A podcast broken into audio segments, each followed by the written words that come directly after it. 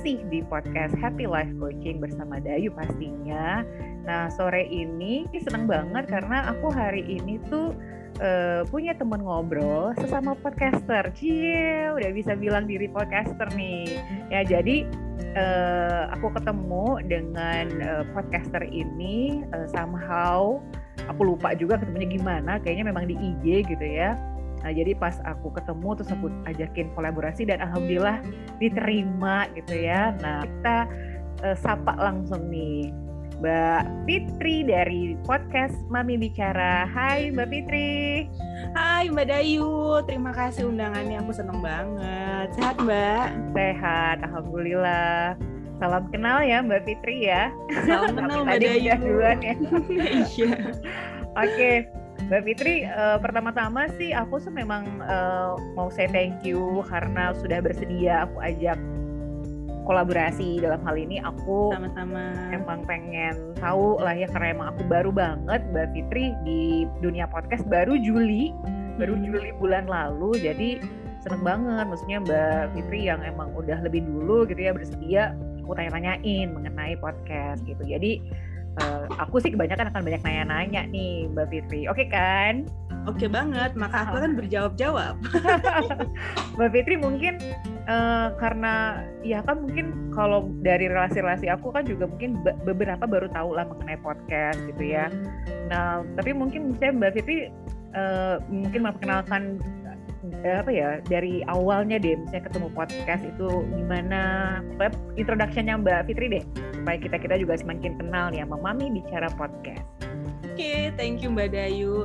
Uh, Assalamualaikum warahmatullahi wabarakatuh. Selamat hari yang bahagia ya untuk semua siapa pun yang mendengarkan. Perkenalkan saya Fitriani Rahman, host dari podcast Momi Bicara. Bisa di search di Spotify atau lihat di Instagramnya juga ya. Uh, pertama kali saya bikin podcast itu tahun 2020, pertengahan tahun. Itu saya kenalnya karena dari apa ya saya juga lupa persisnya sih tapi kalau nggak salah karena ada kelas uh, kelas belajar public speaking gitu di Instagram. Kemudian ada lomba podcast ada tentang podcastnya juga gitu. Terus jadi saya penasaran podcast oh iya ya saya dulu kan pernah pernah siaran waktu SMA terus waktu kuliah juga saya pernah magang di radio dan juga pernah nyobain jadi magang sambil siaran gitu kan. Dan menurut saya itu uh, salah satu hal yang bikin saya seneng gitu loh. Jadi siaran itu membawa kebahagiaan tersendiri buat saya. Walaupun dulu waktu SMA juga bayarannya nggak seberapa ya namanya siaran remaja. Apa sih dapetnya sih paling? Tapi ada bahagia ketika saya bisa ngomong kayak gini gitu ya. Terus ada yang dengerin dan mereka tuh ngasih feedback mbak aku seneng lo dengerin siaranmu lo terus mbak ayo dong siaran lagi kapan aku tungguin siarannya? Gitu tuh. Ada ada rasa bahagia. Itulah kenapa ketika bikin podcast ini uh, pengen mengulang vibe itu gitu rasa bahagia ketika bicara terus bikin aku bahagia karena orang lain mendengarkan dan bisa menginspirasi orang jadi Momi bicara, bicara biar bahagia. Terus kenapa namanya Momi bicara? Karena aku sadar aku udah ibu-ibu. aku seorang ibu dengan dua orang anak, yang satu SD kelas 2, yang satu baru masuk playgroup gitu ya jadi aku mikir apa ya sesuatu yang aku pasti tahu? Aku seorang ibu udah pasti aku tahu lah ya kehidupan ibu walaupun nggak perfect tapi seenggaknya ini yang bisa aku bahas ini yang bisa aku gali dan ya aku berusaha menggali hal-hal seputar ibu uh, di sekitarku dan pengen ngajakin ibu-ibu lain juga yuk bareng-bareng yuk ngobrol sama aku bareng-bareng bicara supaya itu tadi bicara biar bahagia. Bahagia. Iya thank you perkenalannya. Jadi buat yang dengerin podcast ini uh, ternyata memang kalau misalnya sadar tadi pasti suaranya oke okay banget ya daripada aku gitu ya. Masya Allah, terima kasih. ternyata Mbak Fitri dulu memang pernah pernah jadi penyiar ya, jadi yes. pernah jadi penyiar. Jadi uh, makanya tuh apa ya, mungkin ini ya udah ada kebutuhan untuk bicara gitu ya dan memang bicara akhirnya bikin bahagia ya dan itu aku seneng banget mbak mbak, mbak Fitri aku suka banget tuh ininya tagline-nya bicara biar bahagia gitu ya paling tidak sama dengan podcastnya aku yang memang tujuannya tuh yang membuat orang happy gitu ya kalau misalnya aku kan happy life gitu ya sama-sama lah tujuannya membuat orang uh, ikutan bahagia lah gitu siapa pun yang dengerin gitu. Nah, eh, Mbak Pipit, tapi kalau misalnya eh ke Papa ya manggilnya Mbak Pipit biasa. apa-apa. nah, waktu proses uh, memutuskan uh, podcast gitu ya uh, itu semata-mata memang karena oh dulu karena memang mantan penyiar atau memang pernah punya pengalaman penyiar uh, apa tuh apa uh, persisnya? Kenapa nggak bikin YouTube misalnya? Kan banyak nih sekarang gitu kan. Kenapa milihnya podcast gitu? Kenapa nggak milih yang lain gitu? Apakah memang karena pengalaman sebelumnya atau gimana? Terus gimana proses apa ya milih namanya gitu ya terus apakah karena emang mami bicara itu hanya mami-mami saja atau gimana gimana tuh Mbak Pipit? Oke, okay, thank you Mbak Dayu. Jadi uh, kenapa podcast? Karena saat itu mikirnya memang benar karena ada latar belakang penyiar sebelumnya ya pernah siaran. Aku ngerasa kayaknya ini nih yang paling gampang nih buat ibu-ibu kayak aku yang nggak punya ART ya. Yang kalau YouTube kan kayaknya hmm, preparationnya tuh lebih ribet daripada ngepodcast. Kalau ngepodcast kan kita kadang ya udah mau pakai daster juga langsung nyalain rekaman bisa langsung rekaman gitu kan. Aku mikir kayaknya itu saat ini yang paling simple bikin konten dalam bentuk audio gitu ya. Makanya aku bikinnya podcast. Terus juga uh, bersuara itu salah satu hal yang sangat didukung oleh almarhum bapak. Ya jadi Januari 2020 itu bapak meninggal. Setelah bapak meninggal, aku mikir aku selama ini sempat kerja, kemudian resign. Aku masih pengen jadi sesuatu nih buat ngebanggain orang tua aku walaupun pada akhirnya uh, bapak udah meninggal gitu ya. Tapi mudah-mudahan yang aku lakukan ini bisa jadi amal jariah juga buat beliau gitu dengan membuat orang lain bahagia uh, lewat apa yang aku bisa gitu. Terus kalau misal dibilang mami bicara apakah mami mami doang? Ya aku membatasi itu. Walaupun ada yang bilang ya mbak kenapa nggak perempuan aja sih? Kan nggak cuma seorang ibu doang yang punya profesi yang punya uh, inspirasi yang bisa berbagi inspirasi.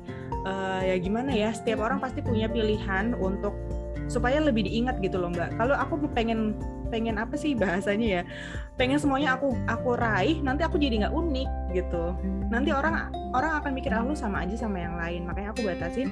Narasumbernya emang harus ibu mau ibu baru punya satu anak kayak mau anaknya udah banyak kayak gitu. Yang penting harus seorang ibu dan uh, ceritanya bisa apa aja sih sebenarnya. Cuma ya aku bagi-bagi tadi jadi dalam satu bulan aku bagi empat segmen satu minggu cuma satu kali karena aku rasa kemampuanku cuma di situ satu minggu satu kali aja itu udah kayaknya harus pinter-pinter bagi waktu. Oh oke okay, oke. Okay. Oh, tapi kalau dari segi usia uh, udah berapa lama nih Mbak Bibit nih ininya podcastnya nih? Udah berarti resminya kapan nih? Satu tahun sih. Aku inget uh, pertama kali upload yang episode Momi Bicara itu Agustus pas ulang tahun Bapak ya kalau nggak salah ya tanggal 30 Agustus. Oke, mau setahun ya. Bapak. Uh, uh. Jadi aku pikir podcast ini adalah hadiah ulang tahun untuk almarhum Bapak gitu. Oh, mulia sekali. Insya Allah ya Al-Fatihah untuk uh, almarhum Bapak. Hmm. Uh, Nah, tapi kalau misalnya itu tuh berarti dari awal konsisten tuh Mbak Pipi tuh seminggu sekali tuh upload konten baru, edisi episode baru. Betul, sempet ada yang setiap hari itu akhir Desember karena ikut challenge dari The Podcaster. Jadi 30 hari bersuara ya. Eh apa 30 hari bercerita sih aku lupa uh, challenge-nya. Jadi benar-benar yang setiap hari itu udah dikasih tema dari hari pertama sampai hari ke-30 dan tiap hari harus setor podcast. Tapi aku nggak sampai selesai karena ternyata bikin podcast tiap hari itu challenging sekali. Iya iya iya iya. Jadi kembali lagi ke satu minggu sekali aja.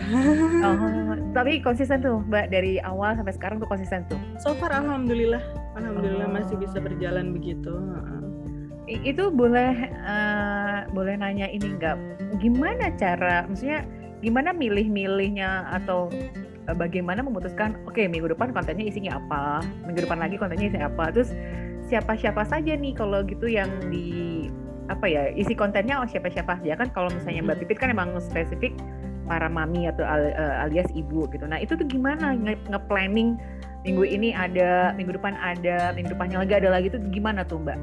Ya maklum melakukan juga masih baru ya jadi aku nggak nge-planningnya gimana ya supaya konsisten gitu jadi ini bisa disebut proses kreatifnya gitu ya dari mulai planning sampai milih-milih siapa narasumnya terus apa yang mau diangkat gitu ya. Aku biasanya bikin planning satu bulan sekali. Jadi bulan depan udah langsung aku catetin nih. Kan aku tiap hari Jumat ya uh, podcastnya. Jadi Jumat minggu pertama itu kan review mami yang minggu kedua itu profesi mami yang minggu ketiga itu um, Mami's Journey atau curhat mami gitu ya. Yang keempat itu rekomendasi mami. Jadi kan karena udah ada tema besarnya nih, aku tinggal nyari kan review mami. Oh apa yang bisa direview ya? Beberapa kali sih aku nge-reviewnya film karena memang aku suka nonton film. Ada juga review tentang uh, mikrofon aku pernah bikin gitu. Terus yang profesi mami itu menurut aku yang paling mudah ya yaitu perempuan yang jadi ibu yang punya profesi itu kan banyak sekali hmm, jadi hmm. banyak yang bisa aku gali insya Allah gitu makanya uh, itu aku suka. Terus yang mommy's journey itu curhatan ibu-ibu itu bener-bener sesuatu yang ya memang banyak di sekitar aku aja gitu eh ada yang mau cerita nggak? Gitu. Aduh ayo share cerita ke aku gitu. Biasa aku minta ke teman-temanku.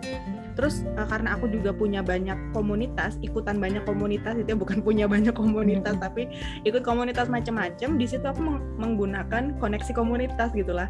Uh, alhamdulillah mereka baik-baik sekali untuk uh, Mbak Fitri aku mau dong jadi narsum selanjutnya gitu. Mbak Fitri aku mau dong. Terus kalaupun aku ajakin ya dengan senang hati dengan senang hati gitu. Jadi salah satunya untuk menarik uh, narsum atau ngajakin orang tuh itu dengan berkomunitas gitu masuk ke komunitas ini komunitas itu. Tapi tentu tujuannya bukan hanya untuk nyari narsum gitu ya bukan hanya untuk nyari masa tapi ikut ikut beberapa aktivitasnya juga gitu. Terus kayak yang terus selanjutnya minggu keempat itu rekomendasi mami. Uh, rekomendasi mama ini mami ini sebenarnya agak-agak susah nih buat aku nih karena aku harus nyari sesuatu yang bisa aku rekomendasiin. Uh, dan tentunya rekomendasinya nggak jauh-jauh dari ibu dan anak gitu ya karena kan ibu-ibu. Tapi so far selama ini dengan buka-buka YouTube orang lain atau dengerin podcast orang lain atau buka-buka situs situs-situs tentang ibu kan kita beberapa mungkin udah ada ada di top of mind kita gitu ya. Oh kalau situs tentang ibu-ibu tuh buka situs ini gitu misal kayak gitu. Cari-cari aja di situ untuk sumber inspirasi insya Allah dapet sih dapet bisa gitu. Hmm, oke. okay. Wah berarti emang di planning ya, di planningin sebulan, emang mau mau isinya apa gitu ya. Oh, Oke, okay. aku bisa belajar juga. Aku lo melambah, aku memang baru gitu ya. Gak apa-apa, gitu. aku juga belajar lah sambil jalan, nggak nggak dari awal langsung langsung satu bulan bisa planning gitu. Awalnya ya cuma seminggu seminggu, nanti udah minggu berikutnya bingung lagi. Nih gue ngehubungin siapa ya enaknya ya gitu. Hmm. Sampai sekarang pun kadang masih ada rasa insecure gitu untuk ngajakin orang buat mereka sih sebenarnya welcome cuman akunya sendiri yang mau ngajakin kadang aduh uh, berkenan nggak ya orangnya ya kalau aku ajakin gitu kan ini kan ngambil waktunya orang ya kalau misal mau ngobrol gitu terus juga kadang ngasih opsi mau lewat tadinya aku juga opsinya cuma lewat zoom mbak.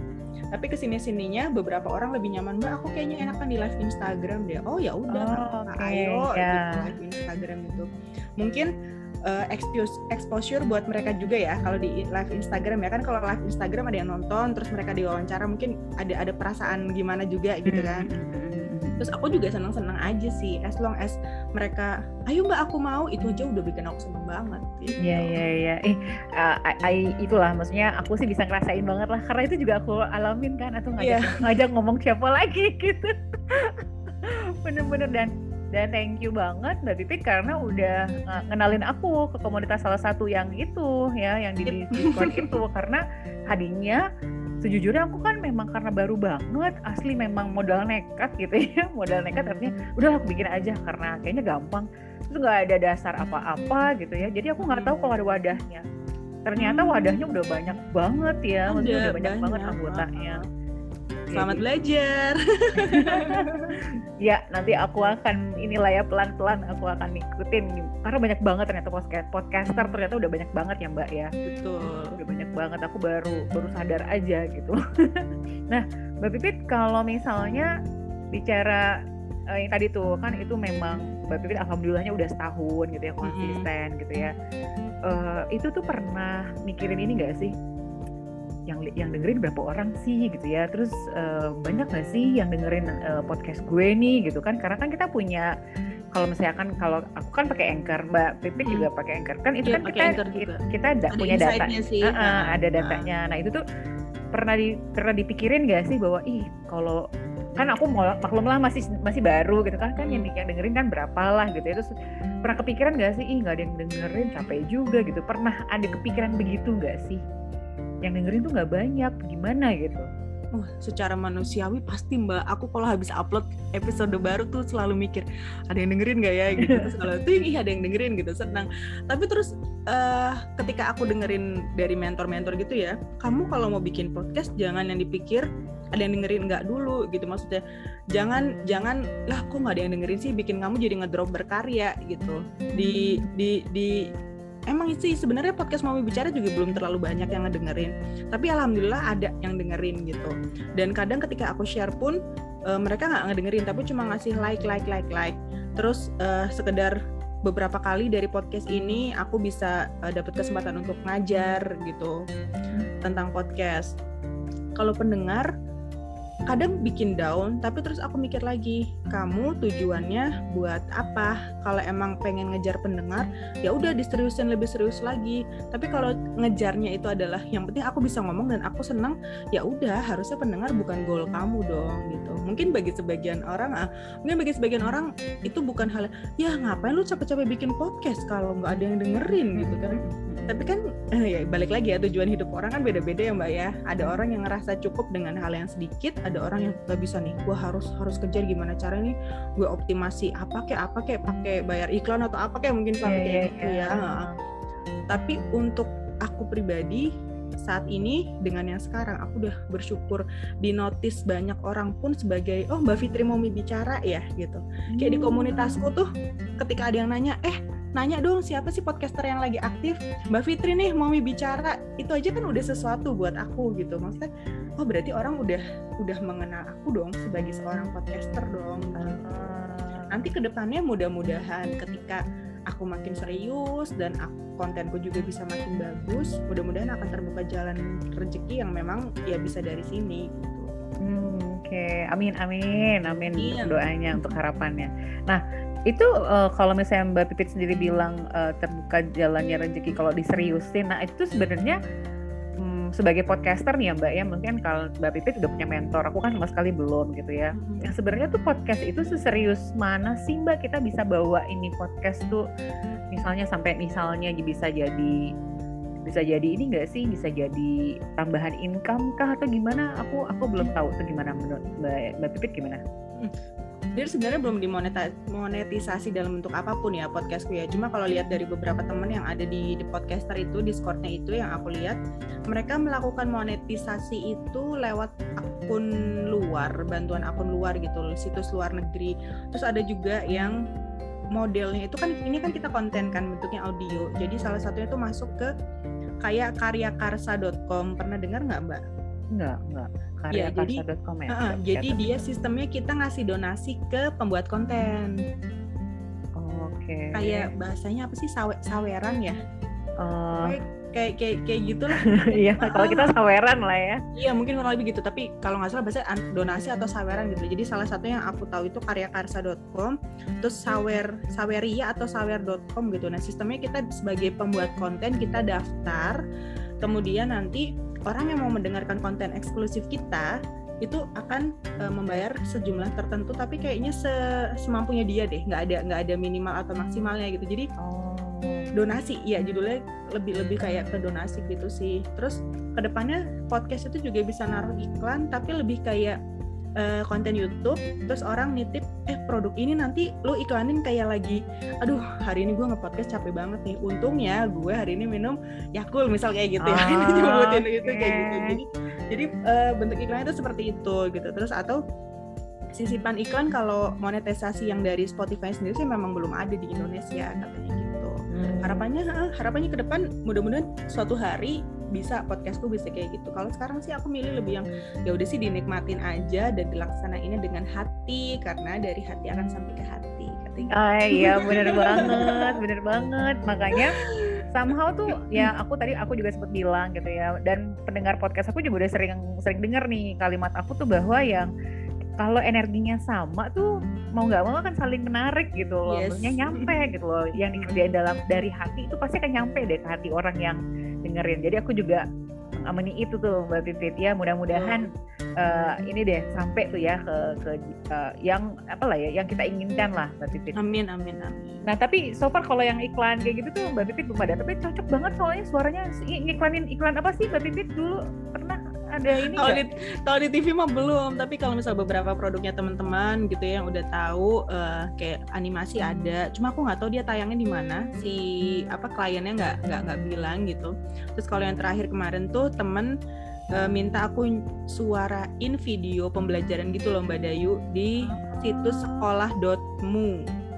Iya, jadi untuk untuk situs itu gitu. Terus kalau iklan yang lain paling deket-deket sini sih kayak misalnya mbak aku jualan salad minta tolong di VO in ya gitu oke okay, gitu yeah, terus yeah, yeah, yeah. beberapa kali ikut casting sebenarnya juga nggak lolos jadi kadang orang dengar ih suara bagus tapi belum tentu bisa nge VO gitu karena ada tekniknya lagi gitu itu tuh ada ada ada ada teknik untuk belajarnya tuh khusus tuh ada ada kelas ada juga. ada kelasnya nah, itu aku ikut komunitas macam-macam komunitas ibu-ibu komunitas Viko komunitas the podcaster oh. supaya dapat banyak apa ya banyak ilmu dapat kan silaturahim itu memperpanjang rezeki. apa umur rezeki gitu ya salah satunya itu tadi nyari narasumber juga dari komunitas-komunitas Oke, okay. ini kalau pendengar podcast yang punya usaha mungkin ya, terus mau dibikin uh, iklannya, oh. nih Mbak Pipit nih rekomend. Pokoknya pas aku denger tuh kayak iya deh, kayaknya emang cocok untuk bikin-bikin kayak somehow emang pernah dengar yang di sekolah dotmu apa itu untuk anak sekolah kali ya konten audionya apa gimana? Buat mahasiswa sih kalau nggak salah kata temanku ya dia ngajar sekolah hukum gitu buat materi hukum. Oh, hmm. karena kalau misalnya kan aku melakukan juga punya anak SD kan. Kalau nggak tahu tuh kemarin pas yang udah blended learning kan kita sudah mulai yeah. dengerin itu kan, udah mulai udah mulai dengerin konten audio. Jadi tipe-tipe ini deh, tipe-tipe memang suara ini ya. Bisa, bisa. Kontak aja kalau misalnya ada yang butuh, uh, Anda membutuhkan suara seperti saya, silahkan hubungi gitu-gitu. Iya, iya. Nanti nanti tuh kita kasih tahu tuh nanti kontaknya ke mana gitu. Ya. Siap.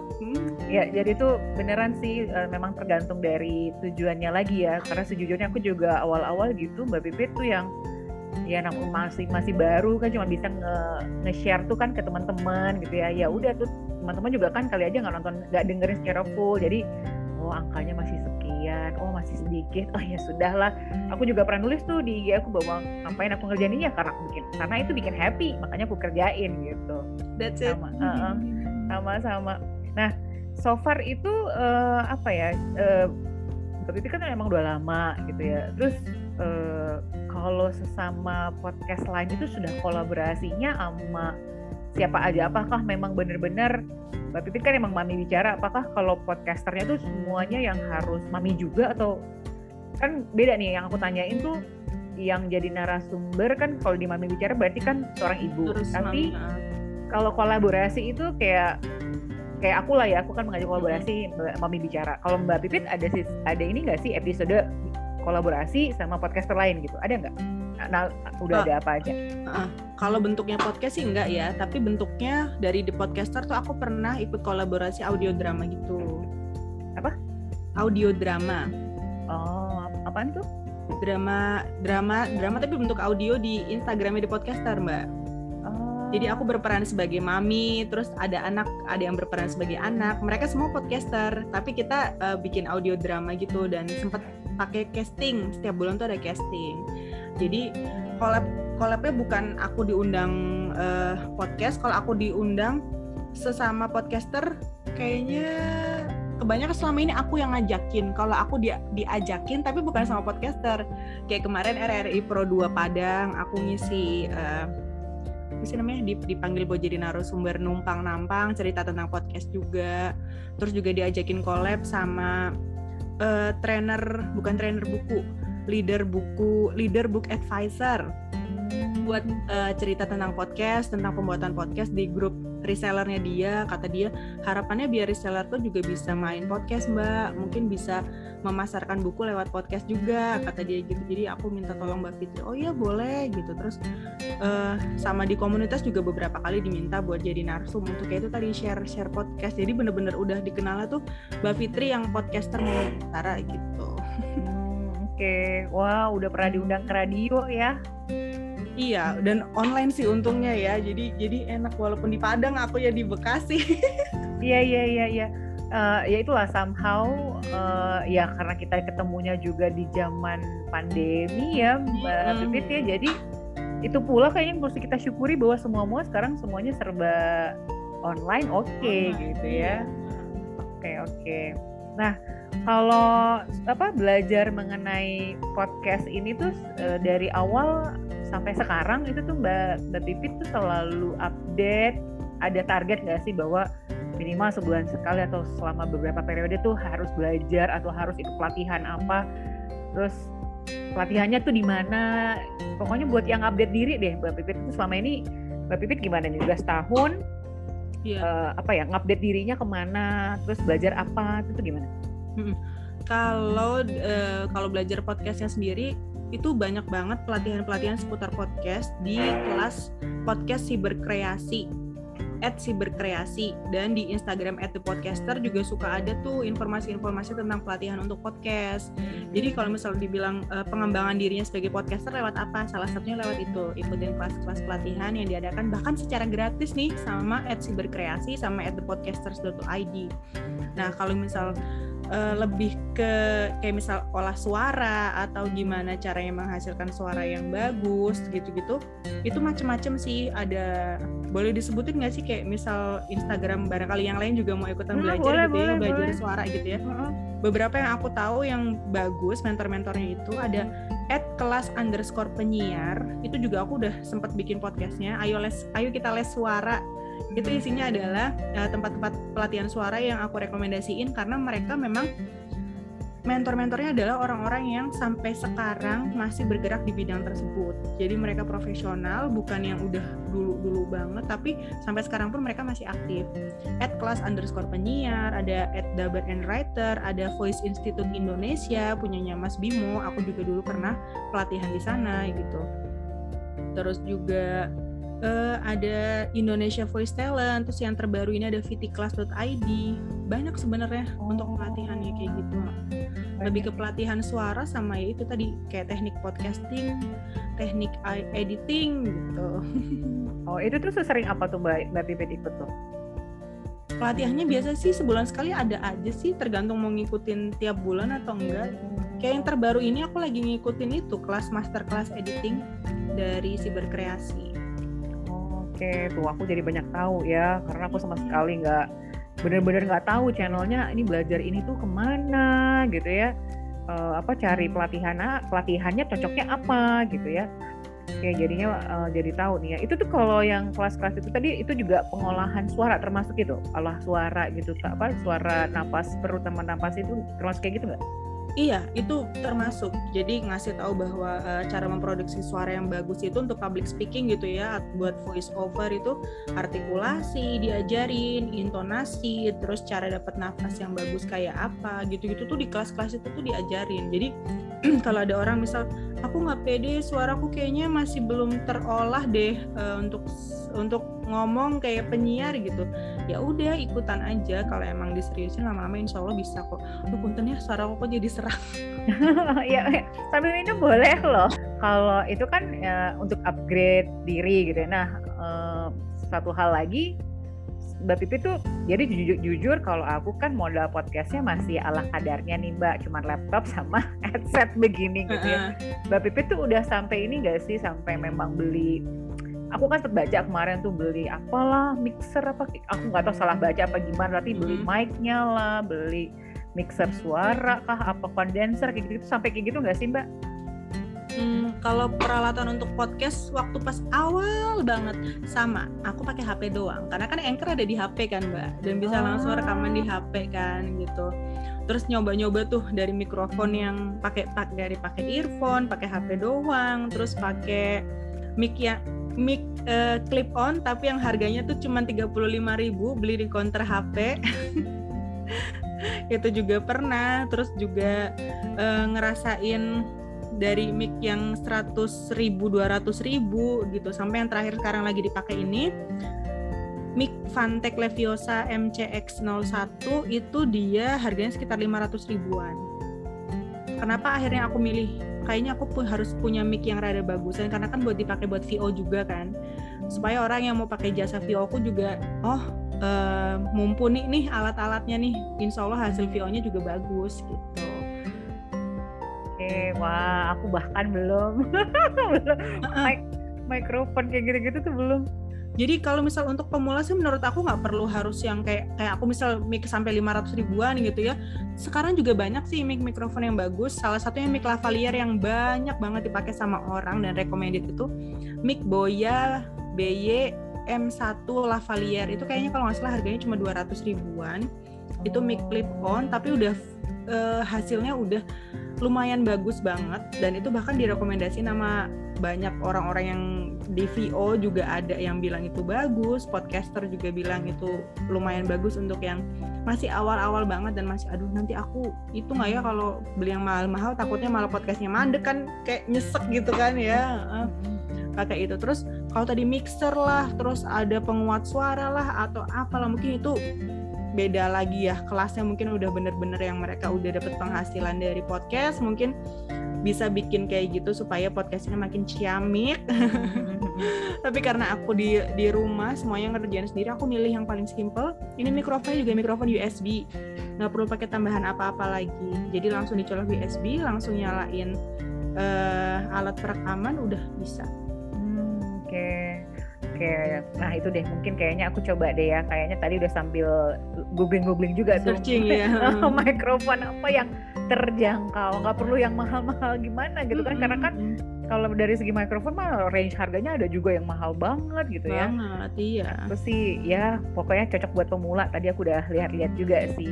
Nah, uh, terus itu uh, ini ya lah dari segi persiapannya. Nah, kan kalau kita bikin episode Mbak kalau aku berkaca kan aku episodenya itu misalnya habis ngerekam terus aku upload lah di Anchor gitu kan terus dimasukin suara bagian segala macam cuman ya udah sebatas itu aja. Nah kalau Mbak Pipit gimana tuh? Karena kan aku sempat dengar ya aku dengar kan bahwa ada ada ini loh ada pesan pembukanya terus ada iklan teasernya. Nah itu tuh itu ngeditnya berapa berapa lama tuh butuh waktu sampai episodenya uh, publish? Berapa lama tuh Terus ngapain aja tuh diedit apa segala macamnya tuh? Ya, uh, jadi kan katakan udah selesai satu episode udah satu episode udah selesai diupload di Anchor. Itu satu step udah selesai gitu ya. Untuk selanjutnya aku cari part di episode itu yang menurutku menarik untuk dimasukin ke teaser. Terus teasernya dalam bentuk video paling lama tuh satu menitan lah biar muat masuk ke Instagram post ya. Atau maksimal 30 detik untuk bisa aku post di status WhatsApp gitu. Jadi promosinya aku di WhatsApp, di Facebook, di Instagram, ya bentuknya sekedar kayak gitu aja sih mbak. Teaser-teaser yang aku ambil dari part-part yang menurut aku menarik dari sebuah episode itu gitu. Sama aku tambahin sedikit kadang uh, jangan lupa langsung aja ke Spotify Momi bicara. Nah sekarang juga misal kayak gitu-gitu. Berapa lama mbak Pipit kalau misalnya ngupload satu episode sampai yang kelar sampai udah oke okay, udah tinggal tungguin aja gitu? Berapa lama tuh investasi Kayaknya waktunya. Sih, uh, kayak proses bikin sampai selesai promosinya itu mungkin 4-5 hari ya. Jadi bener-bener yang minggu sampai eh dari hari minggu bikin posternya terus sampai uploadnya itu kadang hari Rabu atau Kamis. Kurang lebih sih itu sih. Karena yang lama tuh biasanya edit suara sama nyari desain sih ya sama nyari waktu. Hmm. iya iya iya iya. Uh, itu tapi Mbak Pipit kerja sendiri semua semua proses produksi semuanya dikerjain sendiri. Dari produksi promosi perencanaan pokoknya single fighter lah. Oh hebat hebat. Tapi sama sama. Masih single fighter tapi dinikmati sih karena suka ya. Kalau ngerjain sesuatu kita suka kan ya beginilah dibela-belain. Ya ya ya. Bener bener bener aku juga ngerasain sih memang sekarang tuh masih sendiri gitu lah yang memang ya bikinnya punya modal inilah ya Canva kalau pro ininya posternya kalau aku gitu ya. Terus ya udah semua tuh edit editnya semua sudah di anchor. Bahkan aku belum punya tuh kayak mbak Pipit yang yang ngiklanin lah ya. Jangan lupa kayak gitu tuh aku belum punya. Pokoknya aku cuma serba ya udah hasil rekamannya udah langsung upload. Belum sampai edit edit gimana. Nah Uh, kan aku dengernya tuh seru ya karena aku juga sedikit banyak kan juga ngalami gitu ya. Tapi kan Mbak Pipit pasti lebih ini ya karena udah lebih banyak lah udah banyak pengalamannya Nah itu tuh ngebagi waktu. Kan Mbak Pipit bilang bahwa uh, Mbak Pipit juga di rumah saja dengan dua mm-hmm. anak gitu ya. Itu ngebagi waktu atau enggak pernah ini enggak sih pernah di komplain gitu yang kan ngerjainnya pasti kan di hari di hari kosong kan di waktu-waktu kosong gitu ya pernah di komplain gak sih? Sibuk apa sih mama nih apa segala macam gitu atau enggak nyeritainnya ke anak-anak jadinya gimana nih? Kalau misalnya lagi sibuk rekaman lah kan mungkin harus Iya nggak tahu tuh dibawa ke mana nih anak-anaknya kalau lagi rekaman gini. Nah itu tuh gimana tuh ngomongnya tuh? Berbagi waktu sama keluarga, sama suami itu gimana?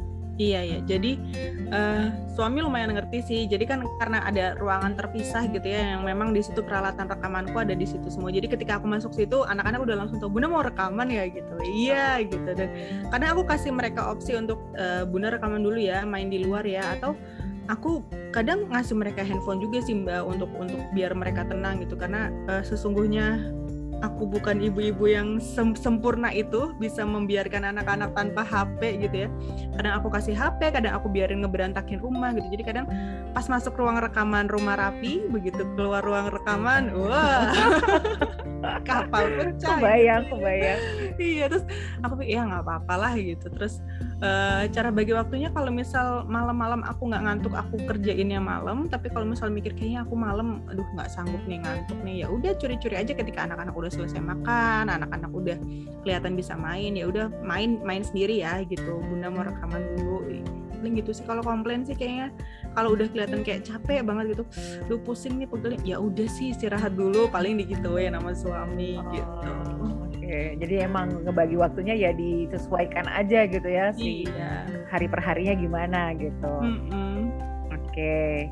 Nah, yang aku tangkap juga dengan Mbak Pipit the apa uh, podcast ini Mami bicara, aku sampai memang melihat ini bahwa ini salah satu mungkin apa ya cara nggak tahu lah ya aku soalnya di di di topik yang sedang aku sering gali itu uh, adalah woman empowering woman gitu ya, women supporting woman. Nah, menurut Mbak Pipit uh, ini apakah memang jadi salah satu bentuk ya Mbak Pipit mengempower sesama ibu gitu ya, uh, atau ada apa ya ada ya itu tadi ada tujuan apa nih sampai ya ke ke depannya lah maksudnya tujuan jangka panjangnya kenapa memang fokus ke ibu gitu ya? Nah itu apa apakah bisa dibilang ini salah satu mbak Pipit apa mengempower wanita lain gitu ya atau gimana? Iya mbak, bisa dibilang kayak gitu karena aku uh, karena aku pribadi senang ketika didukung sama sesama perempuan gitu. Jadi aku berpikir aku pengen ngelakuin sesuatu yang bisa membuat perempuan lain juga ngerasa didukung gitu. Kayak misalkan uh, episodeku yang profesi mami itu aku pengen mengangkat bahwa perempuan bekerja pun bisa loh uh, membagi waktu antara pekerjaan sama anak gitu. Terus juga uh, mommy's journey terus dan segala macam cerita yang lain-lain tuh kebanyakan yang aku angkat ya memang tentang ibu. Yaitu tadi kalau disebut woman empower uh, woman support woman gitu ya misal katakan ya aku pengen jadi bagian dari itu gitu. Bukan perempuan yang uh, ngejudge perempuan lain atau ibu lain yang berbeda dengan dia gitu ya. Ih aku mah cuma asi doang kamu yang uh, pakai susu formula bukan ibu. Misal aku nggak pengen jadi bagian yang seperti itu. Dan dengan dengan bikin podcast ini ketemu banyak narasumber ketemu banyak cerita aku pengen main yang jauh gitu ya dalam tanda kutip. Dengan mengenal lebih banyak orang kan jadi lebih terbuka pemikiranku bahwa ternyata eh ibu itu macamnya macam-macam loh gitu. Bukan cuma ibu yang melahirkan normal tapi ada yang sesar. Entah karena dia pengen sendiri atau karena memang kebutuhan medisnya seperti itu gitu karena dulu aku pernah jadi seorang ibu yang menurutku pikirannya sempit ya karena aku merasa semuanya dimudahkan. Oh aku lahiran normal aku bisa asi eksklusif aku bisa asi sampai 2 tahun gitu. Melihat orang lain ih kagak mau usaha apa gimana sih? Hmm. gitu. Aku pernah berpikiran sempit seperti itu tapi kemudian ketika aku bertemu lebih banyak orang aku disadarkan bahwa hey ibu-ibu nggak cuma yang lahirannya normal perjuangan seorang ibu nggak cuma yang asinya doang. Terus ada juga orang yang ngebet banget asi harus asi. Tapi ternyata kondisi medisnya tidak memungkinkan ya mau nggak mau dia harus dibantu sama susu formula. Nggak selamanya susu formula itu sesuatu yang jahat gitu kan. Nggak selamanya ibu-ibu yang melahirkan dengan sesar itu uh, ibu yang nggak pengen sakit orang sesar itu juga sakit kok. Siapa bilang sesar nggak sakit gitu kan? Terus ya pokoknya hal-hal yang kadang perempuan itu emang di kayak salah dipisah gitu kan ya. Bekerja nggak bekerja asi sama support yang gitu gitu lah aku pengen sesama perempuan ya as long as yang kamu lakukan itu baik ayo kita support. As long as yang kamu lakukan itu bikin kamu bahagia ayo kita support. Karena perempuan itu kan ih bebannya udah banyak banget ya mbak ya. Apalagi sudah jadi seorang ibu gitu kayak kalau anaknya nggak pinter makan pasti yang dicari pertama ibunya ibunya ngapain sih? Kenapa anaknya nggak nggak dikasih makan? Misal kayak gitu ya hal-hal yang seperti itu di rumah tuh udah udah banyak banget ngebebanin perempuan jadi kenapa juga harus dibentur-benturkan antara perempuan kenapa nggak saling rangkul saling dukung aja gitu make a better world gitu ya. Iya iya iya iya. Ya mudah-mudahan ya Mbak Mbak Pipit ya karena aku melihatnya bahwa iya nih ini salah satu bentuk woman supporting woman gitu kan gitu ya. Jadi uh, di itulah ya itu zamannya sekarang jangan sendiri-sendiri gitu ya. Kalau emang bisa bareng-bareng kenapa masih sendiri gitu ya kan nggak jadinya nggak melelahkan gitu ya. Nah so far dari yang sudah Mbak Pipit wawancara gitu ya sebagai narasumber itu ada yang paling ini gak sih paling berkesan gitu ya sampai memang kalau bisa nih Mbak Pipit tuh kalau bisa sekarang nih promosiin gitu ya satu episode yang wajib kamu denger nih Dayu apa gitu Waduh, apa ya? Bagus semua soalnya gitu ya. Kebingung sendiri. Karena setiap episode kan punya cerita beda-beda ya kalau menurut aku ya. Jadi uh, silahkan explore aja deh. Karena semuanya bagus ya Mbak ya, makanya diwawancara ya kan? Ah, insya Allah. Ya semuanya ada punya cerita masing-masing gitu. Ada ada cerita ibu yang uh, melahirkan sendirian saat pandemi, ada yang sampai bertahun-tahun mengharapkan anak akhirnya bisa punya anak gitu. Mbak Dayu kira-kira butuhnya apa tuh dari yang empat segmen itu deh? Ada yang tadi kan aku bilang pertama review mami, profesi mami, terus momis journey sama uh, rekomendasi mami. Silahkan explore aja. Oke, soalnya sudah tersedia ya, tinggal dipilih aja. Insya Allah. Oke. Nah, tapi kalau misalnya pengennya.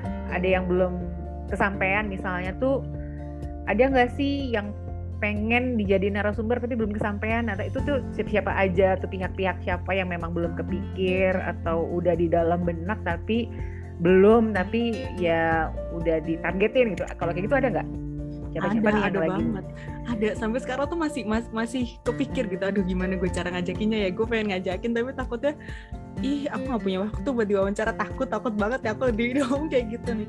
Jadi uh, mentorku waktu aku latihan suara itu di Voice Institute Indonesia namanya Kabinta dia tuh sebenarnya baik banget dan perhatian banget sama uh, anak mentornya gitu ya. Cuman beliau kan seorang VO talent suaranya tuh banyak banget di televisi mbak. Bener deh jangan-jangan sering kita denger ya sering kita iya denger sering banget gitu kan karena aku udah hafal suara beliau gitu ya. Jadi kalau denger suara iklan ah ini suara Mbak Bintan ya aku udah tahu kayak gitu gitu.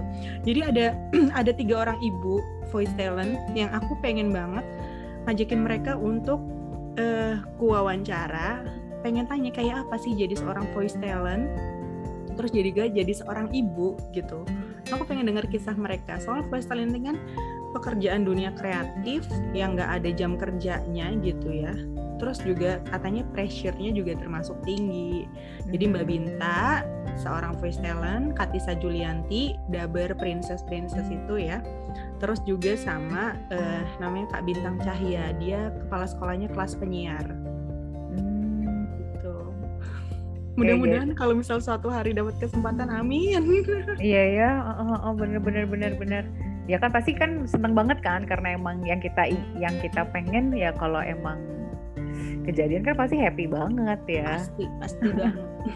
Nah uh, kalau selama ini um, Mbak Pipit kalau misalnya mengajak narasumber itu tuh kan kalau misalnya aku sendiri nih kan bilang dari awal ke semua temanku yang aku jadiin teman ngobrol eh podcast gue memang podcast sharing aja ya gue juga nggak dimonetisasi nggak dimonetisasi nggak komersil sehingga ya belum bisa ngasih apa-apa gitu nah kalau Mbak Pipit sendiri selama ini narasumbernya yang kalau terutama nih kalau yang nggak dikenal banget gimana ya cara ngajak mereka supaya mau jadi narasumber tapi tetap bisa welcome gitu tuh gimana selama ini pengalamannya gimana? Mm-mm. Aku juga ngalamin itu sih ada ada perasaan kayak aduh aku nggak bisa ngasih apa-apa tapi gimana ya cara nyampeinnya ya supaya mereka kira-kira mau gitu kan. Aku beberapa kali sih bilangnya e, tapi sebelumnya aku mohon maaf karena ini bentuknya kolaborasi uh, jadi mungkin aku nggak bisa ngasih uh, imbalan berupa materi. Aku sih jujur aja aku bilang seperti itu gitu. Kenapa? Karena biar nggak ngarep gitu ya mbak ya gitu maksudnya bukannya aku nggak sopan aku tahu aku sudah mengambil waktu mereka tapi kan untuk saat ini memang ya itu tadi balik lagi nggak dimonetisasi nggak komersil nggak ada iklan. Kalau memang ada iklan aku pasti tahu diri dong. Aku dapat untung masa aku nggak nggak bagi ke orang yang jadi narasumberku sih gitu. Nah tapi karena ini kan masih semuanya aku kerjain sendiri di rumah dan ya itu tadi nggak komersil. Jadi aku bilangnya maaf ya karena ini bentuknya kolaborasi uh, sebelumnya mau nyampein aku nggak bisa ngasih imbalan apa pun selain ucapan terima kasih dan aku bantu promoin di Instagram paling aku kayak gitu doang sih. Nggak tahu ya mungkin buat sebagian orang mungkin nganggapnya bisa jadi nggak sopan atau aduh nggak itu banget. Tapi kan kalau orangnya hati terbuka dan alhamdulillah selama ini orang-orang yang aku ajak selalu nggak apa-apa mbak udah diajak sharing juga aku udah seneng banget gitu. Udah dapat kesempatan untuk ngobrol juga aku seneng banget gitu. Jadi aku ya alhamdulillah sih alhamdulillah banget. Iya iya iya iya ya, bisa jadi soalnya kan uh, ini aku sih mempercayai bicara biar bahagia itu sebenarnya kebutuhan buat orang-orang tertentu gitu kan uh, ya apalagi perempuan kan karena emang mm-hmm. Mbak Pipit juga perempuan wanita sendiri kan dia punya kebutuhan mengeluarkan kata berapa puluh ribu dalam sehari iya, gitu kan, dua puluh ya. ribu uh, uh, jadi tuh ya aku sih juga mengamini lah bahwa uh, ya benar sebenarnya ya bersyukur juga kalau misalnya mau jadi ajak ngobrol gitu ya dan so far itu juga sih aku lakuin bahwa uh, aku cari makanya teman-teman yang aku apa aku akrab dulu gitu ya terus ngasih tahu di awal bahwa ya ini sebenarnya nih podcast aku tuh sebagai wadah inilah ya pengganti ngobrol lah sejak pandemi gitu ya sejak pandemi nggak ada karena kan nggak ada ngobrol tatap muka nggak ada ketawa-ketawa hmm. jadi ini penggantinya gitu nah ngomongin mengenai pandemi uh, ini kan Mbak Pipit juga memulainya kan memang tahun lalu ya tahun lalu iya. itu di zamannya pandemi gitu ya nah so far uh, pengen tahu aja sih dari dari sisi Mbak Pipit sendiri pandemi atau tidak pandemi itu ada yang berubah nggak sih Mbak sebenarnya ya pertama kan mungkin berubah nih karena Mbak Pipit di 2020 lalu akhirnya punya punya podcast. Tapi sebenarnya gimana Mbak Pipit sebagai uh, hostnya dari Mami Bicara melihat pandemi ini nih? Karena kan itu yang juga aku bawa juga nih ke podcast aku bahwa masih ada nggak sih yang bisa kita lihat secara positif di dengan adanya pandemi ini? Terus uh, gimana supaya tetap happy gitu ya? Gimana tetap supaya waras dalam tanda kutip karena belakangan kan pandemi second wave-nya Indonesia kan agak-agak lumayan berat ya. Nah itu tips-tips Mbak Pipit gimana tuh? Pandemi sisi positifnya selain punya podcast itu udah pasti positif banget gitu ya. Sisi lainnya aku jadi lebih ngerasa apa ya diingetin untuk bersyukur sama apa yang kita punya gitu. Kadang kita terlalu sibuk cari cari pengakuan dari pihak lain tanpa kita sadar bahwa sebenarnya bahagia bisa dicapai dari diri sendiri gitu makanya sering-sering uh, bicara biar bahagia, bicara biar bahagia karena ya dengan bicara aja kita udah bisa bahagia kok. Dan hanya dengan didengarkan pun kita udah udah udah bisa bisa seneng gitu nggak usah dikomen. Gue cuma butuh teman buat dengerin doang kok gitu. Jadi pandemi tuh bikin orang dan terutama aku sendiri juga lebih banyak melihat ke diri sendiri. Oh iya ya banyak yang aku pelajarin lagi selama pandemi ini. Terus kayak misal yang berpengaruh banget tuh salah satu mungkin perubahan ya namanya anak sekolah di rumah sebagai seorang ibu itu aku makin religius mbak. Astagfirullah mas. Sama sama. Aku ngerasain banget. I feel you. Ya rasanya tuh kayaknya jadi makin religius gitu ya. Dikit-dikit nyebut dikit-dikit nyebut gitu ya Allah ya Allah gitu.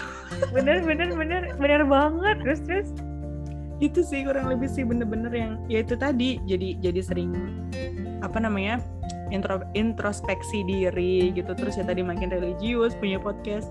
Kurang lebih itu sih mbak kalau dari aku yang bisa lihat sih. Karena ya itu bahagia kadang nggak usah nyari jauh-jauh. Yang utama justru ngelihat ke dalam diri sendiri dulu gitu. Oke bener-bener bener banget. Dan ya, makanya aku tadi juga bilang bahwa ya ya semenjak pandemi ini pun juga aku ngerasain gitu bahwa sekarang ya aku sering banget tuh mbak. Beneran beneran sama. Astagfirullahalazim ya Allah ya Tuhan. Sampai kayak gitu. Mungkin udah nggak bisa komen lagi daripada ngamuk-ngamuk kan nggak menyelesaikan apa-apa gitu ya. Nah, bener nah, banget bener banget. Itu bener banget kejadian juga.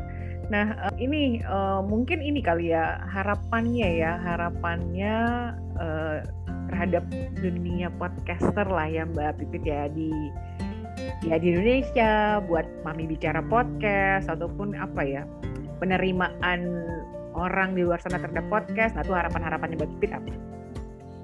Yang pertama banget aku pengen uh, podcast dikenal lebih luas lagi di circle aku gitu ya. Karena kan di sekitar aku tuh masih banyak orang yang mikir apa sih podcast? gitu. Jadi yang pertama aku pengen podcast tuh dikenal lebih luas semua orang sama semua orang gitu. Bukan cuma orang-orang yang berkecimpung di dunia podcast ataupun suara gitu ya. Tapi bahkan orang-orang yang kayak pedagang pasar pun atau uh, tetangga-tetanggaku yang mungkin pekerjaannya bukan di dunia suara gitu. Kayak misal orang-orang kantor pun lebih familiar sama podcast gitu. Dan tentunya harapannya pasti makin banyak orang yang dengerin podcast Mumi Bicara dan ngasih feedback dan juga berkenan untuk berbagi cerita melalui Mami Bicara ini. Aku terbuka untuk siapa pun dan di mana pun gitu, as long as kamu adalah seorang ibu. Hmm. Itu lagi catatannya. Oke oke oke tuh. Jadi mungkin uh, dan ini terbuka ya buat siapa aja yang Mbak walaupun Mbak Pipit gak kenal pas dalam itu tapi terbuka gitu ya. Terbuka buat siapa aja selama kamu adalah seorang ibu. Pokoknya intinya itu. Kalau misalnya katakanlah gini ya, ada yang minat yang ada nggak sih kayak gitu? Ada minat uh, mam uh, misalnya gitu ya uh, mami bicara mau ini nggak butuh narsum nggak? Saya mau gitu ada kayak gitu nggak sih? Ada mbak. Tapi aku kan bukan ibu. Cuma aku ngurusin banyak anak-anak ketika misalnya di panti asuhan gitu kan. Bukan seorang ibu. Terus aku sih bilang ya nggak apa-apa hayu aja gitu. Tapi mungkin orangnya sendiri yang ngerasa uh, nggak enak gitu ya. Takutnya ya aku bukan seorang ibu gitu. Aku sih udah welcome. Jadi aku sempat nulis juga di podcastnya aku gitu ya di deskripsinya apabila kamu seorang ibu ataupun orang yang e, berlaku seperti seorang ibu yang mengurus banyak anak-anak gitu silahkan aja sharing inspirasi kamu ke ke saya gitu. Tapi utamanya sih aku berharapnya perempuan sih utamanya perempuan. Kalau seorang ibu lebih bagus lagi perempuan tapi kayak misalnya tadi ngurus panti asuhan atau ngurus pesantren misal kayak gitu ya mbak ya. Kan mungkin belum jadi seorang ibu tapi udah mengurus anak-anak gitu nggak apa-apa kalau mau sharing di sini boleh boleh banget hmm, Oke, okay. nah nanti mungkin siapa tahu nih yang dengerin juga kan nanti aku juga uh, siapa tahu kan nge-share ke teman-teman sesama perempuan gitu ya yang barangkali bisa bisa ini nih jadi bisa, narsum uh, nih. bisa narasumber. Uh. Kalau aku Mbak Pipit banyak kan relasinya uh, mungkin lebih banyak yang bergerak di bidang ini uh, financial planner, planner financial oh, advisor, oh, iya. perencana keuangan karena aku memang ada di industri itu. Jadi iya. mayoritas relasi aku adalah pasti ya dia ibu, dia istri, tapi profesinya adalah perencana keuangan. Banyak kan kayak gitu. Gitu. Nah, Mbak Pipit mungkin uh, kalau misalnya ini kali ya penutupnya deh ya coba pakai suara yang Mbak Pipit iklanin gitu deh. Kalau jangan lupa kayak gitu deh, coba ditutup dengan itu deh Mbak Pipit. Cari Mami Bicara tuh di mana gitu. Silahkan. Gimana? Seru kan podcastnya? Jangan lupa untuk mendengarkan Happy Life Coaching bersama podcast Mami Bicara di Spotify setiap hari. Hari apa Mbak? Belum tentu aku. Oh belum tentu upload ya? Ya udah. Kalau kamu tertarik dengan obrolan ini, langsung saja ke Spotify, kamu buka search podcast Momi Bicara dan juga podcast Happy Life Coaching. Selamat mendengarkan. Ah, bagus banget sih. Itu kan bisa dilatih ya suaranya ya kayak gitu tuh bisa dilatih apa gimana sih? Bisa, bisa, bisa. Nah, tapi kalau jadi kalau dari mentor-mentor aku tuh selalu bilang semua suara bisa dijual asalkan uh, dilatih gitu. Jadi suara cempreng pun ada yang bisa jadi iklan kan kita kadang dengar zaman iklan sekarang kan iklan zaman sekarang tuh kadang suka aneh-aneh juga kan model iklannya kan gitu. Ih, bagus banget sih. Aku suka deh suara-suara. aku suka dengar suara-suara yang yang iklan radio banget gitu ya. Penyiar radio banget deh. Gitu, itu tuh. Bila, tenang aja, Mbak. Oke, okay. Mbak Pipit, anyway, thank you. Sebelum ditutup nih, sebenarnya ada aturan gak sih podcast kita tuh durasinya tuh harus berapa lama? Karena aku sejujurnya karena nggak bisa ngedit-ngedit juga, asli nanti uh, mungkin semua rekamannya udah upload aku upload aja gitu ya nggak ada potong-potong ya. Akhirnya ada yang satu jam aku nggak ada yang pendek mbak. Ada yang ini nggak sih? Ada yang sebenarnya bagusnya nggak usah panjang-panjang ada yang ngomong gitu. Suamiku bilang ngapain sih panjang-panjang gitu ya? Puluhan menit aja gitu. Ada aturan khusus nggak sih? Sebenarnya. Ini lagi-lagi kalau dari mentor ya waktu pas dapat pelatihan kemarin katanya rentang podcast itu minimal 15 menit maksimal kalau bisa 30 menit katanya gitu. Jadi yang yang orang bisa fokus mendengarkan kalau audio itu kan emang nggak bisa lama-lama ya katanya gitu. Aku juga kadang kalau sama narsum bisa sampai satu jam karena seasik itu kan ya kita ngobrol ya, apalagi ibu-ibu ya gitu. Cuma kalau yang podcast podcast aku sendirian eh, nggak uh, sama narsum itu aku batasin 15 menit gitu ada ngomong bicaranya juga ya kalau Mbak Pipit ya. Uh, uh, jadi ada yang aku cerita sendiri kayak yang review mami itu ketika aku maaf ketika aku nge-review film itu aku ngomong sendiri. Oh, okay. Uh, itu biasa aku batasin 10 sampai 15 menit aja. Kalau yang sama narsum baru agak panjangan karena kalau masih asik flow-nya ya ya dilanjutin lah. Tapi kayaknya untuk yang setelah satu tahun ini aku berusaha mudah-mudahan sih bisa uh, mengcompile sama narsum 30 menit aja kali ya maksimal ya belajar oh. untuk memadatkan durasi tapi informasinya tetap dapat gitu itu juga jadi jadi pelajaran buat aku juga sih gitu oh I see oh. tapi awal-awal panjang-panjang juga mbak sama sampai satu jam satu jam. Cuma untuk yang bulan September kali ya karena kan udah satu tahun aku berusaha mudah-mudahan bisa uh, wawancara narsumnya dengan lebih 30 menit tapi informasinya dapet gitu. Oh I see I see. Aku juga ah coba sama-sama belajar sama-sama belajar kita ya Mbak Pipit ya. Anyway thank you sudah berbagi sudah berbagi ilmu berbagi pengetahuan. Maksudnya aku sih menganggap Mami bicara podcast ini kayak apa ya? Justru mentor aku di dunia podcast karena yang pertama kali aku tanyain tanya-tanya serius mengenai podcast ya Mami bicara. Mbak Pipit thank you ya. Such an honor. Sama-sama. Jaga kesehatan ya Mbak Pipit ya, suaranya dijaga jangan sampai Iya bener. Kayak ini efek habis vaksin kemarin aku jadi masih agak agak ngedrop. Mana vaksinnya bikin ngedrop kalau di aku. Yang lain kan oh. ada yang bilang nggak apa-apa, uh, cuman apa kayak sakit di bekas lengannya doang. Aku kemarin sempat sampai drop. Oh I see. Tapi semoga segera pulih lagi ya. Yang penting Amin. udah udah ada proteksi kita ya. Udah vaksin pertama atau kedua? Pertama. Oh baru pertama. Baru okay. pertama Mbak Pipit sekali lagi thank you sudah meluangkan waktunya bersama Dayu hari ini. Semoga kita bisa ketemu lagi nih di komunitas-komunitas podcast misalnya atau di event-event yang lain. Thank yes, you ya Mbak Pipit ya. Dayu, terima kasih banyak. Sehat ya, selalu. Sehat-sehat selalu.